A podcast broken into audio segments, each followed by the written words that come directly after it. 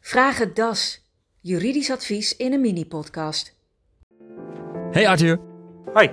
wie is eigenlijk aansprakelijk bij een verkeersongeval? In principe draagt ieder zijn eigen schade. Alleen als je kunt vaststellen dat een van de betrokkenen verantwoordelijk is, dan kun je diegene aansprakelijk stellen en een schadevergoeding eisen.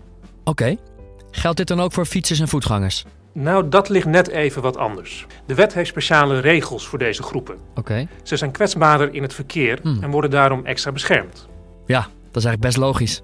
Maar hoe zit het dan? Als een voetganger of fietser wordt aangereden door een motorvoertuig, dan krijgt hij in elk geval 50% van zijn schade vergoed. Ook al is het zijn eigen schuld. Ah. Tenzij er sprake is van overmacht, maar dat is bijna nooit het geval. Overmacht? Wat bedoel je daar precies mee? Daar bedoel ik mee dat de fouten van de voetganger of fietser zo onwaarschijnlijk zijn dat de bestuurder daar geen rekening mee kon houden. Maar krijgt hij dan niets vergoed? Dat hangt af van hoeveel schuld de voetganger of de fietser had. Hmm. Uitgangspunt blijft dat de bestuurder rekening moet houden met fouten van zwakkere verkeersdeelnemers. Gelden deze regels eigenlijk voor iedereen? Niet echt. Oh. Een kind van onder de 14 bijvoorbeeld kan de gevaren van het verkeer nog onvoldoende overzien. Ah. Bij een aanrijding krijgt het kind altijd 100% van zijn schade vergoed, ook al is het de eigen schuld van het kind. Tot slot, moet ik nog wat doen bij een verkeersongeval? Jazeker. Je vult samen met de tegenpartij een schadeformulier in. Hm. En het is belangrijk dat je zoveel mogelijk bewijs verzamelt om aan te kunnen tonen wie er aansprakelijk is. Maak foto's.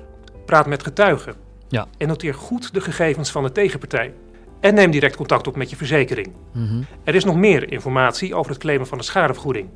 Wil je weten welke? Kijk dan op das.nl slash letsel en schade. Helemaal duidelijk, Arthur. Dankjewel. Graag gedaan. Das. Meesters in juridische hulp.